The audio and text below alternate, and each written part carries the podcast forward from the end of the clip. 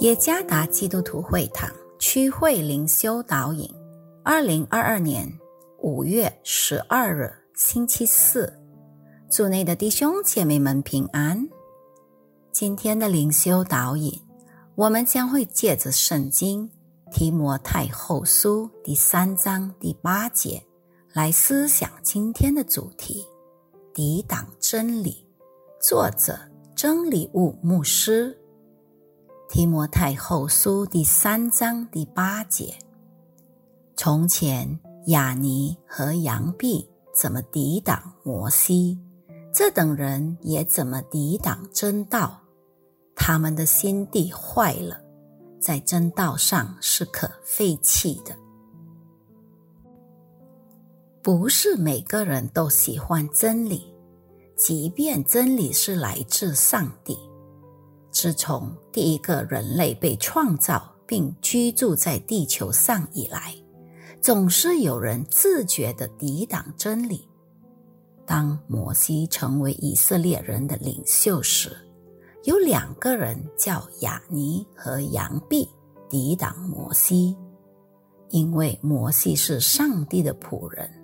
那么，当他们抵挡摩西时，就意味着他们也。抵挡摩西所带来的上帝真理，抵挡真理的态度肯定会给抵挡者带来风险。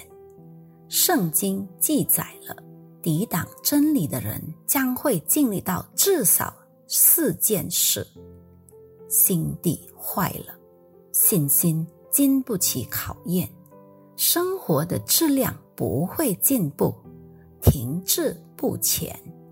甚至在众人面前明目张胆的做愚昧的事，参看第八和第九节。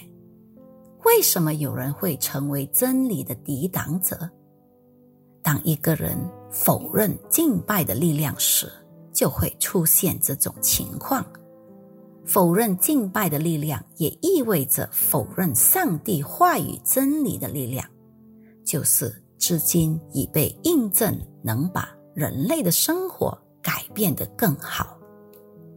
如果抵挡者经历了上述的四件事，那么接受和实践真理者就会经历相反的事情：心地越来越明智，信心经得起考验，更好的生活质量。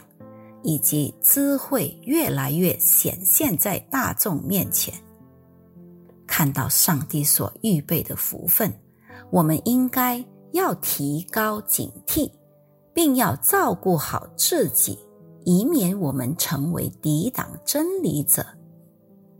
抵挡真理将会导致生活变得更糟糕。愿上帝赐福于大家。